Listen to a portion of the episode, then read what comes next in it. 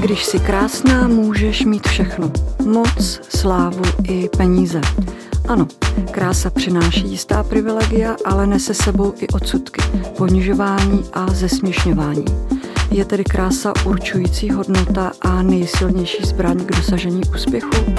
Proč vzhled v životě hraje tak velkou roli a dá se krásou získat respekt, úcta a štěstí? Nejen na tyto otázky mi dnes bude odpovídat finalistka soutěže z České republiky Julie Hojdyšová, která se před pár dny při vyhlášení vítěze krásy zřekla korunky a svůj titul první vícemis tak přenechala jiné dívce. V pořadu o životě zblízka si s hosty povídáme o tématech, která hladí, ale i trápí naše duše. To je můj pořad o životě zblízka každý pátek na www.deník.cz. Dobrý den, Julie. Krásný dobrý den. Julie, vždycky jste vybočovala z řady? Ano, vždycky bylo tomu tak už od mého dětství, kdy jsem tak nějak sama tíhla k výjimečnosti a zatímco ostatní děti vždycky měli zalíbení v takové té typické kráse, tak eh, mě přitahovala ta jedinečnost. To, když nějaká hračka nebo nějaká osoba vypadala jinak, tak eh, jsem k ním měla automaticky vždycky blíž. Mnoho mladých holčiček touží být krásný nebo nejkrásnější, stejně jako jsou její hračky, případně nějaký panenky Barbie nebo princezny v pohádkách. Je to teda i váš případ? Určitě. Když jsem byla mladoučka, tak jsem právě snila o tom, že budu v mis eh, díky těm krásným šatům a že se o nás budou starat jak o princezny a zpočátku, když jsem byla dítě, tak eh, to bylo určitě o té povrchní a načančané stránce, ale jak jsem rostla, tak eh, jsem přišla na to, že ta krása není opravdu všechno a že přece ta mis, která má reprezentovat Českou republiku a být sebe samou, tak by přece měla mít něco víc než jenom krásné vlasy a dokonalý make-up a bylo to především to jako krásné srdce, nějaký ten svůj silný životní příběh a když jsem právě dospívala, tak jsem si říkala, že jednou bych chtěla být souča- součástí té soutěže také, abych ukázala, že jde o mnohem víc než jenom o tu fyzickou krásu. Vy jste se o svých snech eh, svěřila, nebo respektive asi jste o nich mluvili i ve škole. Také si pamatuji na otázku paní učitelky, když se mě ptala, čím bys chtěla být. Myslím, že jsem mi tenkrát odpověděla modní návrhářko, protože jsem jí skutečně se chtěla stát. Eh, Přilišovací jsem teda neskledila. Jak reagovaly děti na vaše sny, plány stát se modelkou nebo mis? Úplně ne tak, jak bych si přála, protože jsem si na základě eh, toho, že bych chtěla být modelkou, prošla šikanou. Děti se mi smály, že jsem ošklivá, mám příliš velký nos, nemám dostatečně plné ty. Takže to bylo pro mě docela dost náročné období, když já jsem měla nějakou představu o tom, kým nebo čím bych chtěla být a najednou mi bylo ze všech stran vytýkáno, že eh, na to nejsem dostatečně dobrá. Později si pamatuju i větu paní učitelky, která mi jednou řekla, no tak Julínko, doufám, že tě teda jednou uvidím v té televizi, jak si to přeješ. Takže doufám, že se paní učitelka dívala, když bylo finále. A uh, nebylo, to, nebylo to jednoduché, protože na druhou stranu jsem měla uh, zase u sebe paní učitelku, která mě ponižovala jiným způsobem a byla to paní učitelka matematiky. A ona mi vždycky říkala, že neumím logicky uvažovat, že jsem hloupá, že ze mě nikdy nic nebude, že nemám šanci se dostat na vysokou školu. A říkala, Julinko, ty vůbec nejsi chytrá, ale aspoň, že jsi krásná. Takže pro mě to byl takový boj eh, z obou stran, kdy já jsem vlastně vůbec nevěděla, co si mám myslet. Na jednu stranu se mi děti smály za to, že chci být modelka a nejsem dostatečně krásná. Na druhé straně mi eh, paní učitelka říkala, že jsem sice krásná, ale úplně hloupá. Julie, ani to vás neodradilo a za svým snem jste si šla dál? Je to tak? Je to tak, protože uh, měla jsem sice nízké sebevědomí, ale nebyla jsem schopná přemýšlet jinak, protože jsem věděla, co chci od života já a nedokázala jsem si představit, že někdo jiný by mě měl ten svůj život diktovat, že bych měla poslouchat něčí pravidla a žít ten svůj život podle někoho jiného. Takže ta cesta byla trnitá, protože uh, jsem potom sama sebe uh, zrazovala, kdy jsem si říkala, že to určitě nevíde, protože právě nejsem hezká, nejsem chytrá a zbytečně jsem se kolikrát podceňovala, ale přesto jsem věřila, že když si zatím půjdu, tak jednou se mi třeba nějaký ten sen splní. Když jsi si začala ten sen plnit? Bylo to v 16 letech, když jsem byla na gymnáziu, tak eh, prvním krokem byla eh, spolupráce s modelingovou agenturou, kde jsem vlastně v 16 podepsala svůj první kontrakt a následně jsem odletěla na dva měsíce na Tajvan. Neměla jste strach z neznáma? Co na to říkala vlastně maminka nebo rodiče? Měla jsem strach, ale člověk, když eh, neví, do čeho jde, tak to není možná zdaleka tak děsivé, jak když už má konkrétní uh, představu. Já jsem potom na ten Tajvan odletěla znova a když jsem se vrátila, věnovala jsem se modelingu aktivněji, tak uh, tím, že jsem si prošla tou anorexí, ke které se určitě ještě dostaneme, tak uh, jsem už věděla, do čeho jdu. Už jsem měla takový ten uh, strach, kdy jsem si říkala, co když do toho znova spadnu, jaké to bude, ale úplně ten prvotní dojem bylo hrozné nadšení a taková ta radost ze splněného snu. Maminka také měla strach, ale ona mě celý život podporovala a chtěla, abych si ty své sny splnila a vždycky stála za mnou. Já si pamatuju tenkrát, když mi to ta agentura zavolala, tak jsem přemýšlela uh, nad tím, jestli Tajvan je bezpečný, jaké to tam asi bude a jednou jsme si sedli a otevřeli jsme Google a teďka jsme hledali uh, všechno možné o Tajvanu, jaký tam jsou lidé, jaká je tam kultura, měna, kolik co stojí, stojí. A přišli jsme na to, že tenkrát v tom roce 2016 byl Tajvan druhé nejbezpečnější město, eh, město stát na světě, takže bylo jasné, že pojedu. co všechno musí dívka obětovat? Nebo co jste vy všechno obětovala, aby jste ve světě krásy uspěla? A Julie, proč vzhled hraje v životě tak důležitou roli? To je otázka, na kterou asi neumím sama správně odpovědět, protože já jsem si nikdy nepřipadala krásná, přestože Teď jsem finalistkou uh, Miss České republiky, získala jsem nějaký pomyslný titul krásy, tak uh, tu vnější krásu u sebe vnímám jako snad tu poslední hodnotu. Já jsem si vždycky říkala, že spíš jsem pracovitá, spíš jsem komunikativní a říkala jsem si, že nějaké to vnější nebo vnitřní charisma je to, co mě dělá krásnou a není to ten typický fyzický standard, ale uh, samozřejmě tím, že jsem se pohybovala v povrchním světě, kdy je důležité to, kolik máme centimetrů okolo hrudníků, pasů, boků, zda máme dostatečně velké rty, zda máme dostatečně krásný obličej, tak eh, se ve mně prala taková ta stránka, co můžu udělat pro to, abych eh, do těch standardů také zapadala. A Řekla bych, že na chvíli jsem ztratila sebe samotnou, když jsem se chtěla přizpůsobit a přiblížit těm standardům krásy tím, že jsem začala hubnout, začala jsem trpět eh, anorexí. Jednu dobu jsem také uvažovala o plastice nosu, protože eh, když jsem byla tenkrát na tom Tajvanu, tak eh, mi agentura řekla, že kdybych si nechala zmenšit nos, tak bych měla určitě více pracovních zakázek a najednou jsem začala hledat, co všechno můžu udělat pro to, abych byla krásnější, abych byla lepší, abych byla hubenější. A přestala jsem se soustředit na to, jestli se cítím dobře a jestli jsem to vlastně já. Takže ta, ta odpověď je možná, že jsem do jisté míry na nějakých pár let přišla o sebe. Julie, prosím vás, vysvětlete mi, když eh, jste podepsala kontrakt eh, s modelingovou agenturou na Tajvanu. Oni vás vzali se všema těma mírama a vzhledem takovým, jaká jste byla.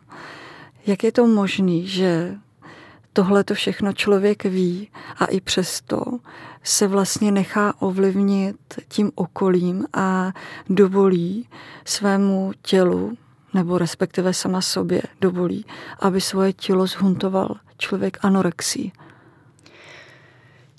Nad tím jsem přemýšlela také dlouho, protože já se přiznám, že kdysi jsem anorektičky nechápala. Sama jsem se říkala, jo, sama miluju jídlo, jak je vůbec možné, že se toho jídla někdo dobrovolně vzdá, že najednou začne dietovat. Říkala jsem si, že je to opravdu až jako směšné a za to se teďka doopravdy stydím ale je to tím, že člověk je najednou dva, tři, čtyři měsíce pod obrovským tlakem. Je odříznutý od nějaké uh, té vnější reality, od toho venkovního světa a jediné, co každý den vnímá, je opravdu ten vzhled. A já si pamatuju, že když jsem chodila do té agentury uh, každý den, tak nám vlastně říkali, no ještě musíš zhubnout, ještě, ještě prostě je to málo. Dneska se mi nelíbí toto, dneska máš špatné vlasy, dneska máš škaredý make-up, dneska ti to nesluší, do příště zase musíš zhubnout další dvě kila. Takže když člověk je v tom denodenním tlaku o té fyzické kráse a pořád eh, je mu říkáno, že není dostatečně, že ještě musí a vlastně ta, ta hranice toho, kdy je člověk dostatečně hubený, v tom modelingu neexistuje. Vždycky člověk může být hubenější a vždycky čím hubenější, tak, eh, tak je lepší, tak je krásnější, tak má více zakázek.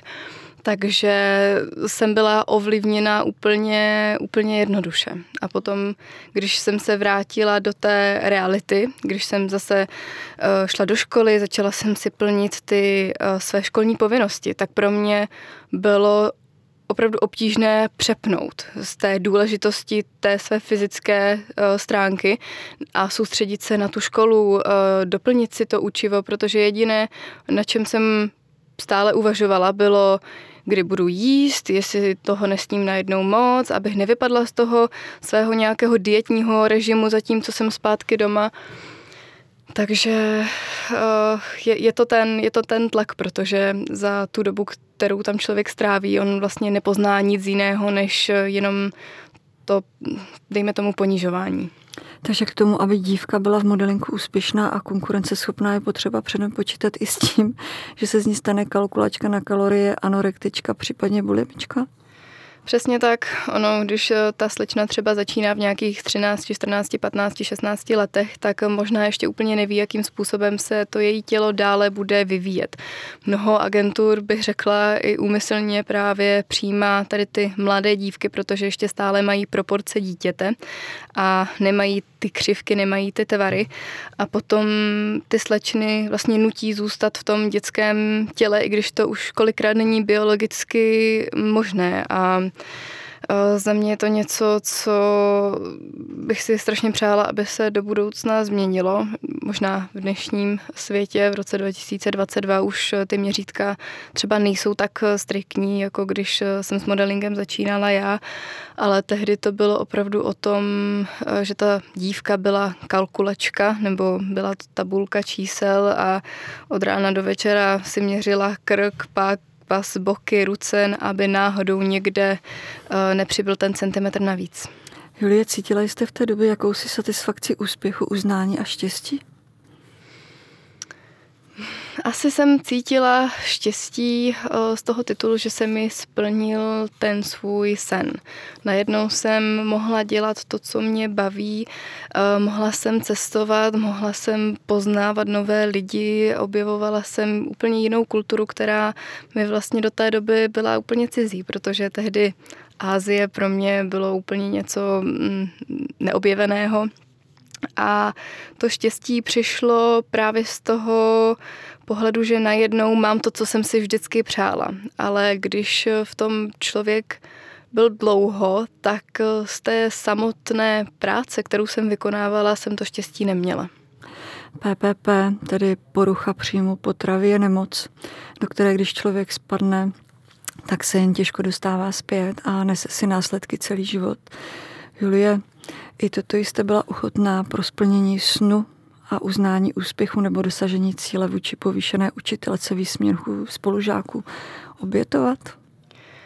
Byla, protože v tu chvíli už jsem se na to nenahlížela tak, že to dělám kvůli spolužákům nebo kvůli paní učitelky, ale bylo to opravdu něco, co jsem dělala pro sebe, protože jsem si říkala, že mám jedinečnou možnost, která už se nikdy v životě nemusí opakovat a nechtěla jsem si ji nikým ani ničím vzít.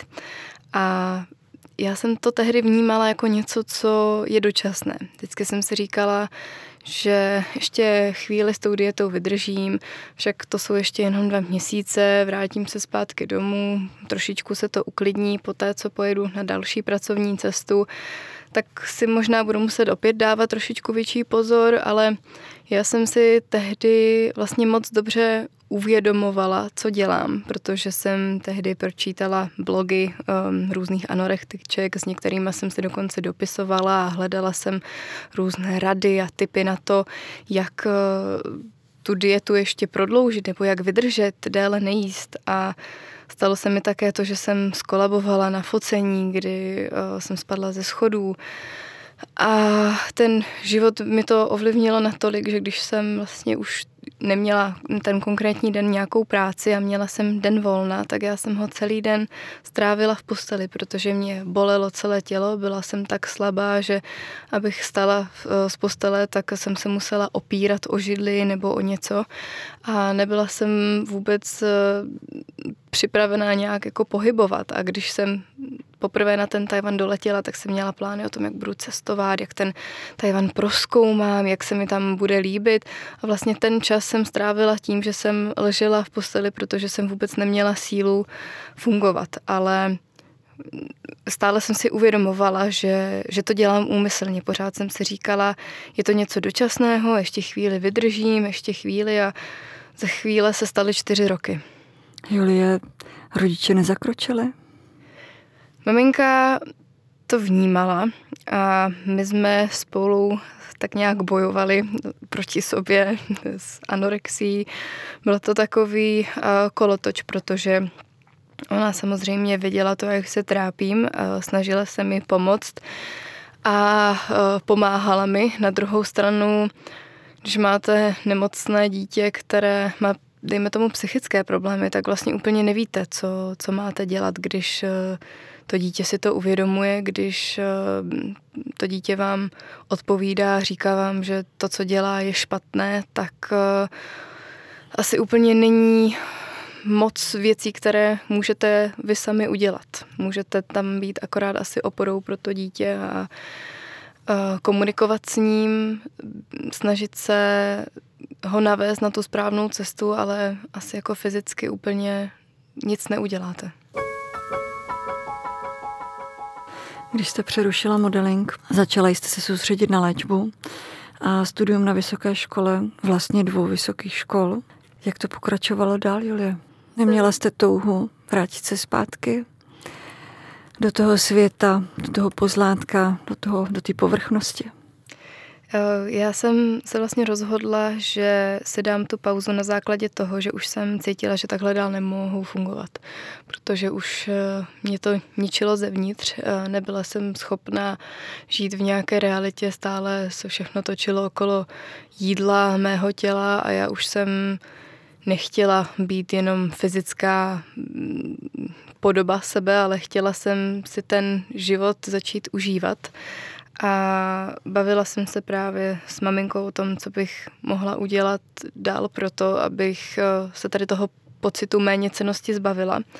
A řekli jsme si, že je to teda ta pauza, že už za to nestály ani ty krásné fotky, ani peníze, ani to cestování. Najednou mi ten modeling eh, víc bral, než dával. A proto, když jsem se hlásila na tu vysokou školu, tak jsem zase měla ty pochybnosti té paní učitelky, že na to nemám, že nejsem dostatečně dobrá a vůbec jsem nevěděla, jestli se na tu školu dostanu. A, a když jsem se dostala, tak jsem vlastně byla tou dobou v Číně a přišel mi e-mail, do dneška si pamatuju, jak jsem večeřela, samozřejmě něco lehkého, abych náhodou eh, moc nepřibrala a viděla jsem tu zprávu o tom, že jsem přijatá a rozbrečela jsem se štěstím, volala jsem to domů, tam také všichni brečeli, maminka, babička, všichni měli radost a v ten okamžik jsem si řekla tak a to je ten můj další životní krok. Teď e, už ukončím tady nějaké své modelingové aktivity a budu se soustředit na to, abych e, byla zdravá. A ta léčba trvala dejme tomu dva roky, protože jsem nefotila vůbec. Eh, přerušila jsem kontakt se svou modelingovou agenturou, nechodila jsem žádné přehlídky, když nepočítám nějaké drobnosti pro nějaké staré známé, ale úplně jsem z toho světa vypadla. Byla to škola, co tvořilo nějaký můj každodenní plán a začala jsem se soustředit na to, abych měla co nejlepší studijní výsledky, a, potom ve třetíku, když už jsem byla relativně zdravá a řekla jsem si, že jsem připravená na to ten modeling eh, dělat znova. Dostala jsem takový druhý dech, tak eh, jsem si řekla, že teď to chci udělat jinak, lépe a po svém. Tím, že do toho půjdu zdravá a budu dělat jenom to, co se bude líbit mně, půjdu jenom tam, kde já si nastavím tu hranici a chybělo mi to, ale nechybělo mi to asi natolik, abych byla schopná nebo ochotná změnit ta svá pravidla. Vy jste měla ale ještě další metu. Řekněte mi, Julie, proč jste se po tom všem, co mi tady říkáte, přihlásila do soutěže Miss České republiky? Byla to jen další vysněná meta, o které tady mluvíme, nebo šlo o víc? Šlo o víc. Já jsem ten sen měla vždycky a často jsem přemýšlela, kdy je ta správná příležitost, protože přestože jsem měla zkušenosti s modelingem, tak jsem si pořád nepřipadala ještě dostatečně připravená, dostatečně kvalitní, dostatečně kompletní. A Co to znamená dostatečně kompletní? Um, pořád jsem měla pocit, že ještě nejsem ta osobnost, že ještě stále jsem ta malá holčička, která o něčem, po něčem touží, která má nějaké sny, ale ještě jsem si nepřipadala jako vyspělá žena, která umí komunikovat, která se umí prezentovat, která zná svou hodnotu, která se už eh, za sebe nebojí, která si připadá krásná bez ohledu na proporce, bez ohledu na nějaké mm, fyzické, mm, dejme tomu, měřítka. A pořád jsem vlastně čekala, až budu dostatečně psychicky připravená a odolná.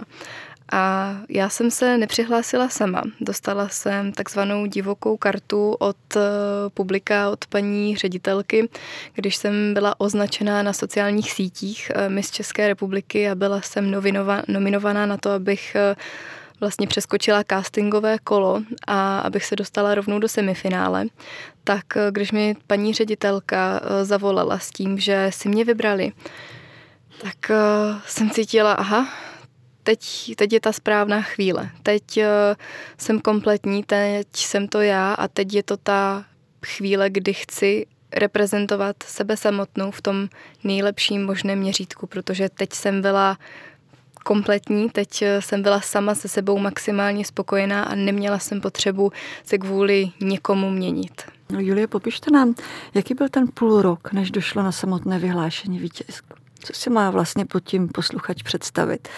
Co všechno jste museli udělat, splnit, vykonat, změnit se?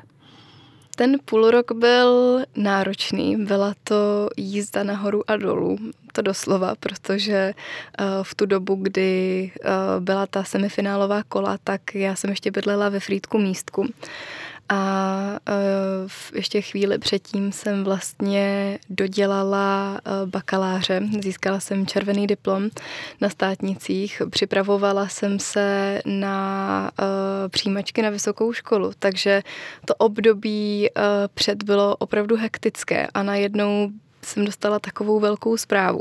Já jsem si zpočátku myslela, že už budu odpočívat po té, eh, dejme tomu, náročné době studia a když přišla ta zpráva o tom, že bych mohla být součástí, tak jsem jí značením vzala, ale věděla jsem, že to bude půl rok opravdu intenzivních uh, příprav.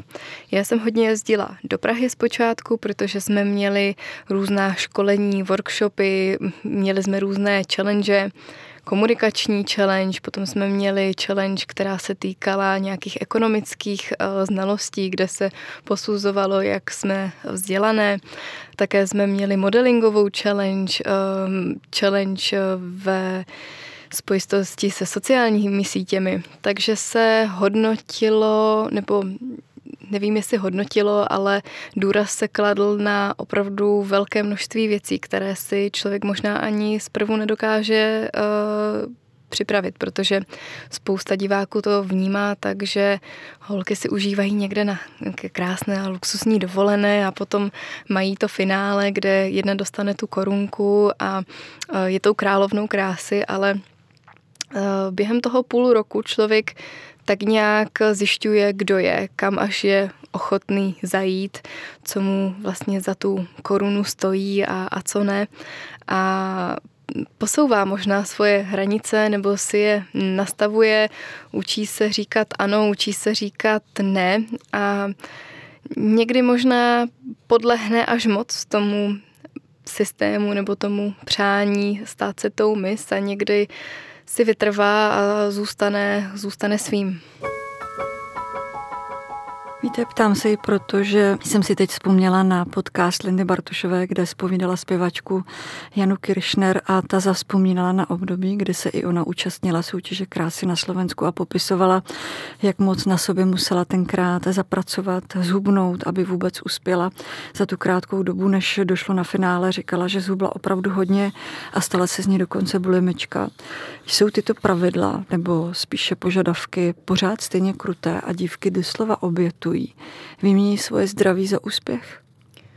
Já musím říct, že v naší soutěži jsem teda nevnímala takový tlak na tu postavu, aby ta dívka měla nějaké uh, konkrétní míry, spíše, aby byla opravdu zdravá, aby měla, uh, aby byla v té fyzické kondici, protože přece jenom je to uh, soutěž krásy, ale určitě jsme neměli nějaké striktní parametry, kde by nám někdo říkal, že jsme tlusté nebo že je potřeba zhubnout. Spíše nás v tom zdravém životním stylu podporovali. Ale uh, určitě se mohlo stát, že se některá eh, děvčata měnila, aby zapadla do toho možná typického měřítka. Já jsem s tou prací na sobě asi měla už úplně jiný postoj, protože už jsem ty zkušenosti s modelingem měla, zatímco spoustu dívek přišlo vlastně do soutěže modelingem úplně nepolíbených. Neměli ty zkušenosti a všechno se tak nějak eh, učili v průběhu toho půl roku. Když to já už jsem do soutěže přišla s tím, že vím, kdo jsem a to jsem chtěla prezentovat. Já už Julie, já vám skočím hmm. do řeči, já se omlouvám, ale všimla jsem si na vašem Instagramu, eh, kde vám eh, vaši fanoušci posílali dotazy a vy jste na jeden z nich reagovala, že během toho půl roku v MIS jste sama poměrně hodně zhubla, hmm. že jste neměla příliš čas na jídlo, eh, protože jste se věnovala povinnostem, které byly spojené právě s touto soutěží krásy. Míří sem moje otázka.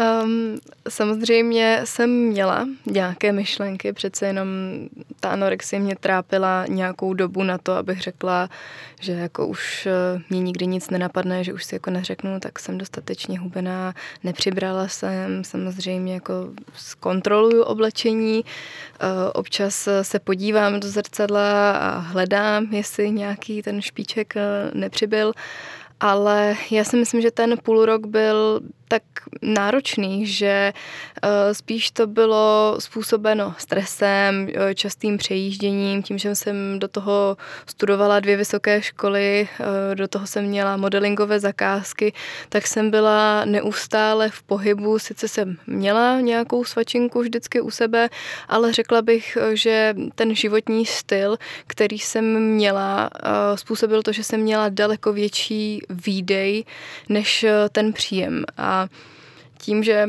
už si dokážu uvědomit nebo dokážu rozpoznat ty, ty myšlenky, um, dejme tomu té bývalé anorektičky, které v sobě mám, uh, tak jsem se sebou dokázala pracovat a dokázala jsem rozpoznat, kdy mám jenom nějaké pochybnosti a kdy opravdu třeba jenom nestíhám nebo jsem neměla hlad, takže určitě tady ta má anorektická minulost eh, s tím neměla co dělat. Spíš to byl opravdu ten náročný životní styl během toho půl roku. Julie, k soutěži krásy patří taky promenády v plavkách nebo spodním prádle. Nepřijde vám až zvrácené, že divák ze židle pozoruje jen neznámé polonahé tělo vystavující se na molu a z dálky tak posuzuje, jestli je dívka dostatečně krásná, vyvinutá, dlouhá či hubená, jestli je dost sexy. Tělo je v důsledku přeci jen obal, a odnést si nálepku ta s velkým zadkem nebo mezerou mezi zubama či obřím poprsím, to je přeci jistá dehonestace, není? Máte pravdu. Já sama nad promenádou v plavkách přemýšlím nad uh, takovými otázkami jako co je vlastně krásné, co se komu líbí. Když eh, my jsme měli vyhlášení doprovodného titulu Miss Silueta, tak eh, jsem sama přemýšlela, co se hodnotí, jestli je to zadek, jestli to jsou prsa, jestli to jsou dlouhé nohy, jestli je to štíhlý pas. A když jsme se uh, s lidmi z mého okolí bavili o tom, která z dívek má nejkrásnější postavu, tak bylo strašně zvláštní uh, pozorovat to, jak každý na ten ideál toho krásného těla má úplně uh, jiný názor. Někomu se líbily dlouhé hubené nohy, někdo naopak ocenil ty ženské tvary, někomu imponovala zase vysportovaná, namakaná uh, postava a břišáky. Takže to, že vlastně člověk dostane ten titul za tu nejkrásnější postavu, tak je na jednu stranu krásný pocit, že se někomu líbíte, na druhou stranu každému se vlastně líbí úplně něco jiného. Na molu ještě zůstanu, protože, jak už jsem zmínila na začátku, vy jste na něm korunku krásy v samotném finálovém večeru odřekla. To vyžaduje, řekla bych, velkou kuráž. Získat korunku krásy ale byl přeci důvod, proč jste se do této soutěže krásy hlásila. Proč jste ji odmítla? Ze začátku to ten důvod byl, protože, jak jsem na začátku nastínila, já jsem chtěla tenkrát ukázat, že ta mis opravdu může být i kvalitní žena. Že to není jenom slečna, která je čerstvě po střední škole a která je fyzicky krásná, ale vlastně, když to řeknu škaredě, tak v hlavě vůbec nic nemá. A chtěla jsem ukázat právě to, že jde studovat dvě vysoké školy, jde být nějakým způsobem fyzicky atraktivní, mít styl, být schopna komunikovat a prezentovat se. A myslela jsem si, že ta korunka krásy tomu vlastně jako pomůže, že to bude v tom mém životě jeden z takových cílů, kdy si řeknu, když bych tu korunku získala, tak eh, teď se tou ženou stanu. Teď eh, s tou korunou budu moct eh, hlásat tady to, čemu věřím. Ale v průběhu té soutěže mi došlo, že já vlastně tohle všechno už jsem. Už jsem bez té koruny a že ta koruna ze mě neudělá hezčího nebo lepšího člověka a že je ve své podstatě vlastně bezvýznamná, protože to, kým člověk je nebo kým se stane, nemá ne, neurčí to ta pomyslná korunka, určí to ten člověk. A když eh, jsem se právě během té soutěže potkávala s lidmi, jelikož jsme měli mnoho společenských akcích a všichni mi říkali, že jsem jejich favoritka a že eh, se jim líbí nějaká má výjimečnost a to, že mám určitou auru, která na ně působí, tak to bylo vlastně to moje uvědomění, kdy jsem si řekla, to je ten cíl, to je ten důvod, proč jsem do soutěže šla a tady všechna ta krásná slova a to, jak mě vnímalo to okolí, bylo mnohem cenější než eh, ten titul. Julie, takže to nebyl, řekněme, kalkul, jak na sebe upozornit ještě jinak nebo víc? Určitě to kalkul nebyl, protože uh, přestože jsem slýchala nějakou chválu, tak uh, já jsem si sama nemyslela, že bych se uh, umístila. Přece jenom, jak jste se na začátku ptala, tak vždycky jsem byla člověk, který vybočoval z řady a možná ne vždycky je to úplně žádoucí, takže jsem uh, ani nepředpokládala, že bych se umístila a pro mě samotnou to bylo velké překvapení. A kdyby to byl kalkul, tak uh, si myslím, že ne úplně chytrý, protože holky teďka čeká rok králování, kdy mají rok pro sebe, kdy se o nich bude rok psát, zatímco uh, zpráva o tom, že někdo se vzdal korunky krásy a zanechal za sebou titul, tak si myslím, že bulvárem nebo médií bude možná trvat týden, dva a potom se na to zapomene. Takže si myslím, že kdyby to měl být eh, strategický krok, tak by nebyl úplně správný. Julie, dobře, když budeme předpokládat, že jste netušila dopředu, eh, že byste se mohla nějakým způsobem dostat do úplného finále.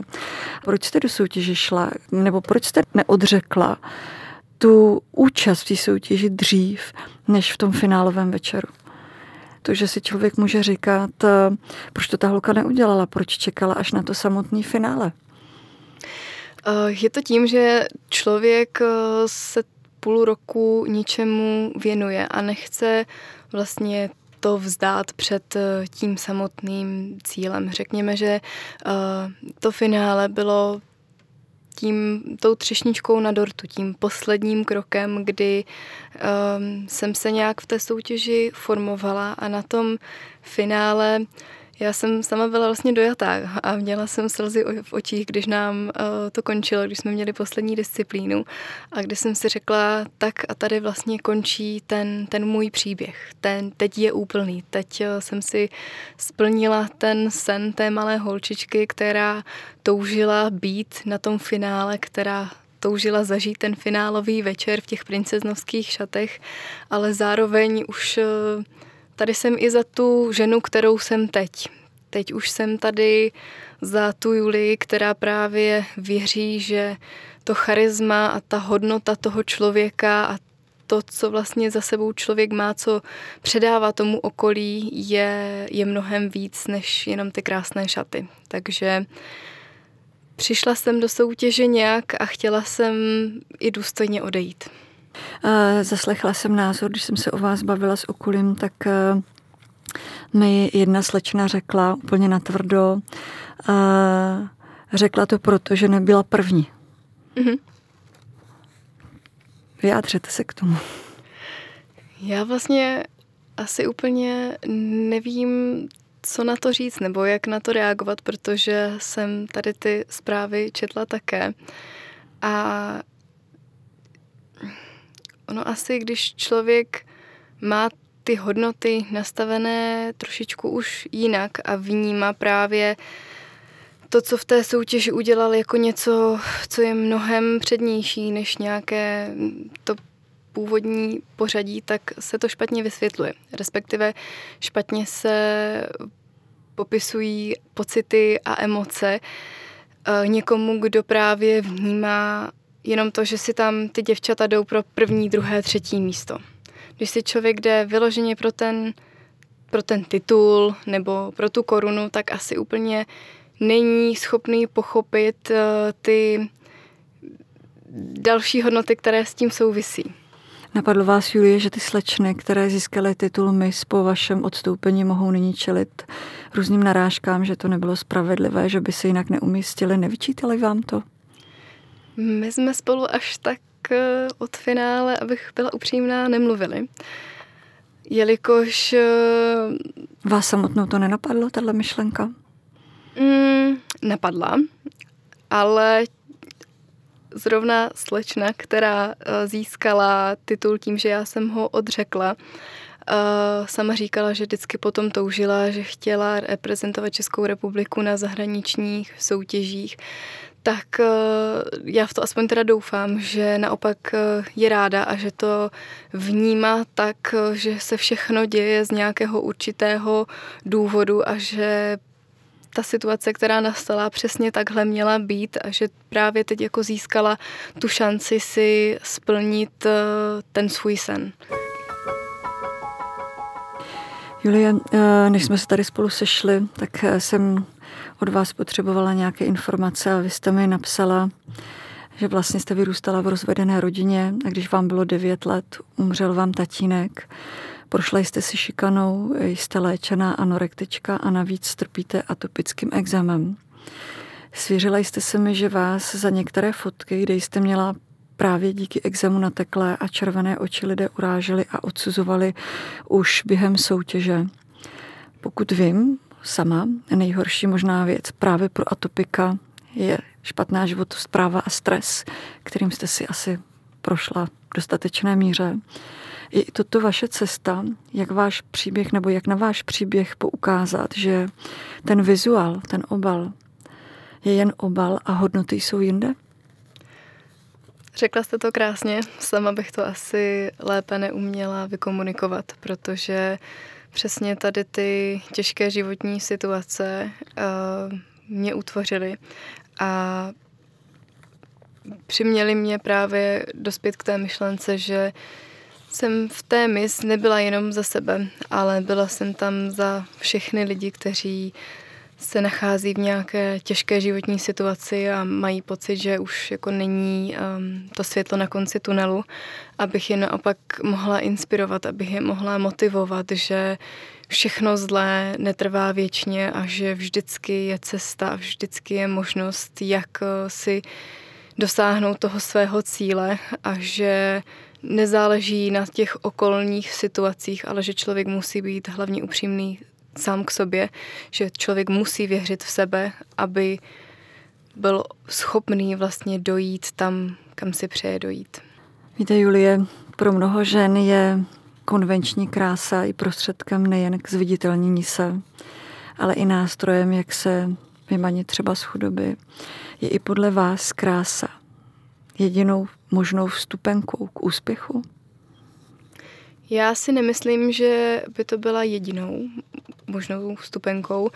Na druhé straně tím, že se v tom povrchním světě modelingu pohybuji, dejme tomu od nějakých 16 let, tak eh, jsem zažila jak v té Ázii, tak v České republice mnoho situací, kdy ať už Češky, Brazilky, Rusky využívali právě svého těla, té fyzické krásy k tomu, aby se dostali na výsluní, aby byly buď úspěšné, nebo aby byly zaopatřené. Takže si myslím, že to určitě ta cesta je, ale nemyslím si, že je to jediná cesta, protože když se podívám sama na sebe, tak eh, si říkám, že vlastně ve svých 22 letech jsem dokázala všechno, co jsem od života chtěla. Splnila jsem si to, že bych se dostala do světa modelingu v zahraničí. Splnila jsem si červený diplom na vysoké škole, do toho jsem začala studovat druhou vysokou školu a také vlastně se mi splnil i ten sen o tom být eh, na nějakém tom výsluní v rámci Miss České republiky, takže si myslím, že není to určitě ta jediná cesta a že naopak ta cesta, která je mnohem efektivnější a lepší a dlouhotrvající je právě ta práce na sobě, to úsilí, to, ta píle, to odhodlání. Sdílíte názor, že krása je nejsilnější ženskou zbraní? Hmm. Vidíte, tady jste mě dostala do úzkých, protože je, ale i není. Um, já si myslím, že ta krása není úplně všechno. Pořád si říkám, co je vlastně žena, která je jenom fyzicky krásná, ale je prázdnou schránkou. Julie, když se upneme na tu odpověď je, máte v plánu ji využít, svoji krásu, jako zbraň? Zase se asi dostáváme zpátky k tomu, že asi svou fyzickou krásu úplně stále nejsem uh, schopná vnímat, protože nezapadá právě do těch uh, typicky charakteristických měřítek. A chtěla bych využít určitě něco, co jsem si vybudovala, ale úplně nejsem schopná odpovědět na to, zda má fyzická krása v dnešním světě něco zmůže. Tolik více mi z bezkorunky Julie Hojdyšová. Děkuji za vaši návštěvu v pořadu o životě zblízka. Přeji vám, Julie, mnoho sil do cíle a pokud nechceme žít ve stínu konvenční krásy, musíme vzít na vědomí, že tu ženy nejsou od toho, aby dělali svět krásnějším a že je třeba je poslouchat bez ohledu na to, jak vypadají a zda je možné je uvidět nahé. Příjemný poslech na www.denik.cz přeje Bohumila Čiháková. Julie, děkuji za návštěvu. Já vám děkuji. Milí posluchači podcastu o životě zblízka, svoje příběhy, náměty, o čem byste chtěli poslouchat příště, Tipy nebo rady pište na adresu bohumila.cihákova zavináč deník.cz.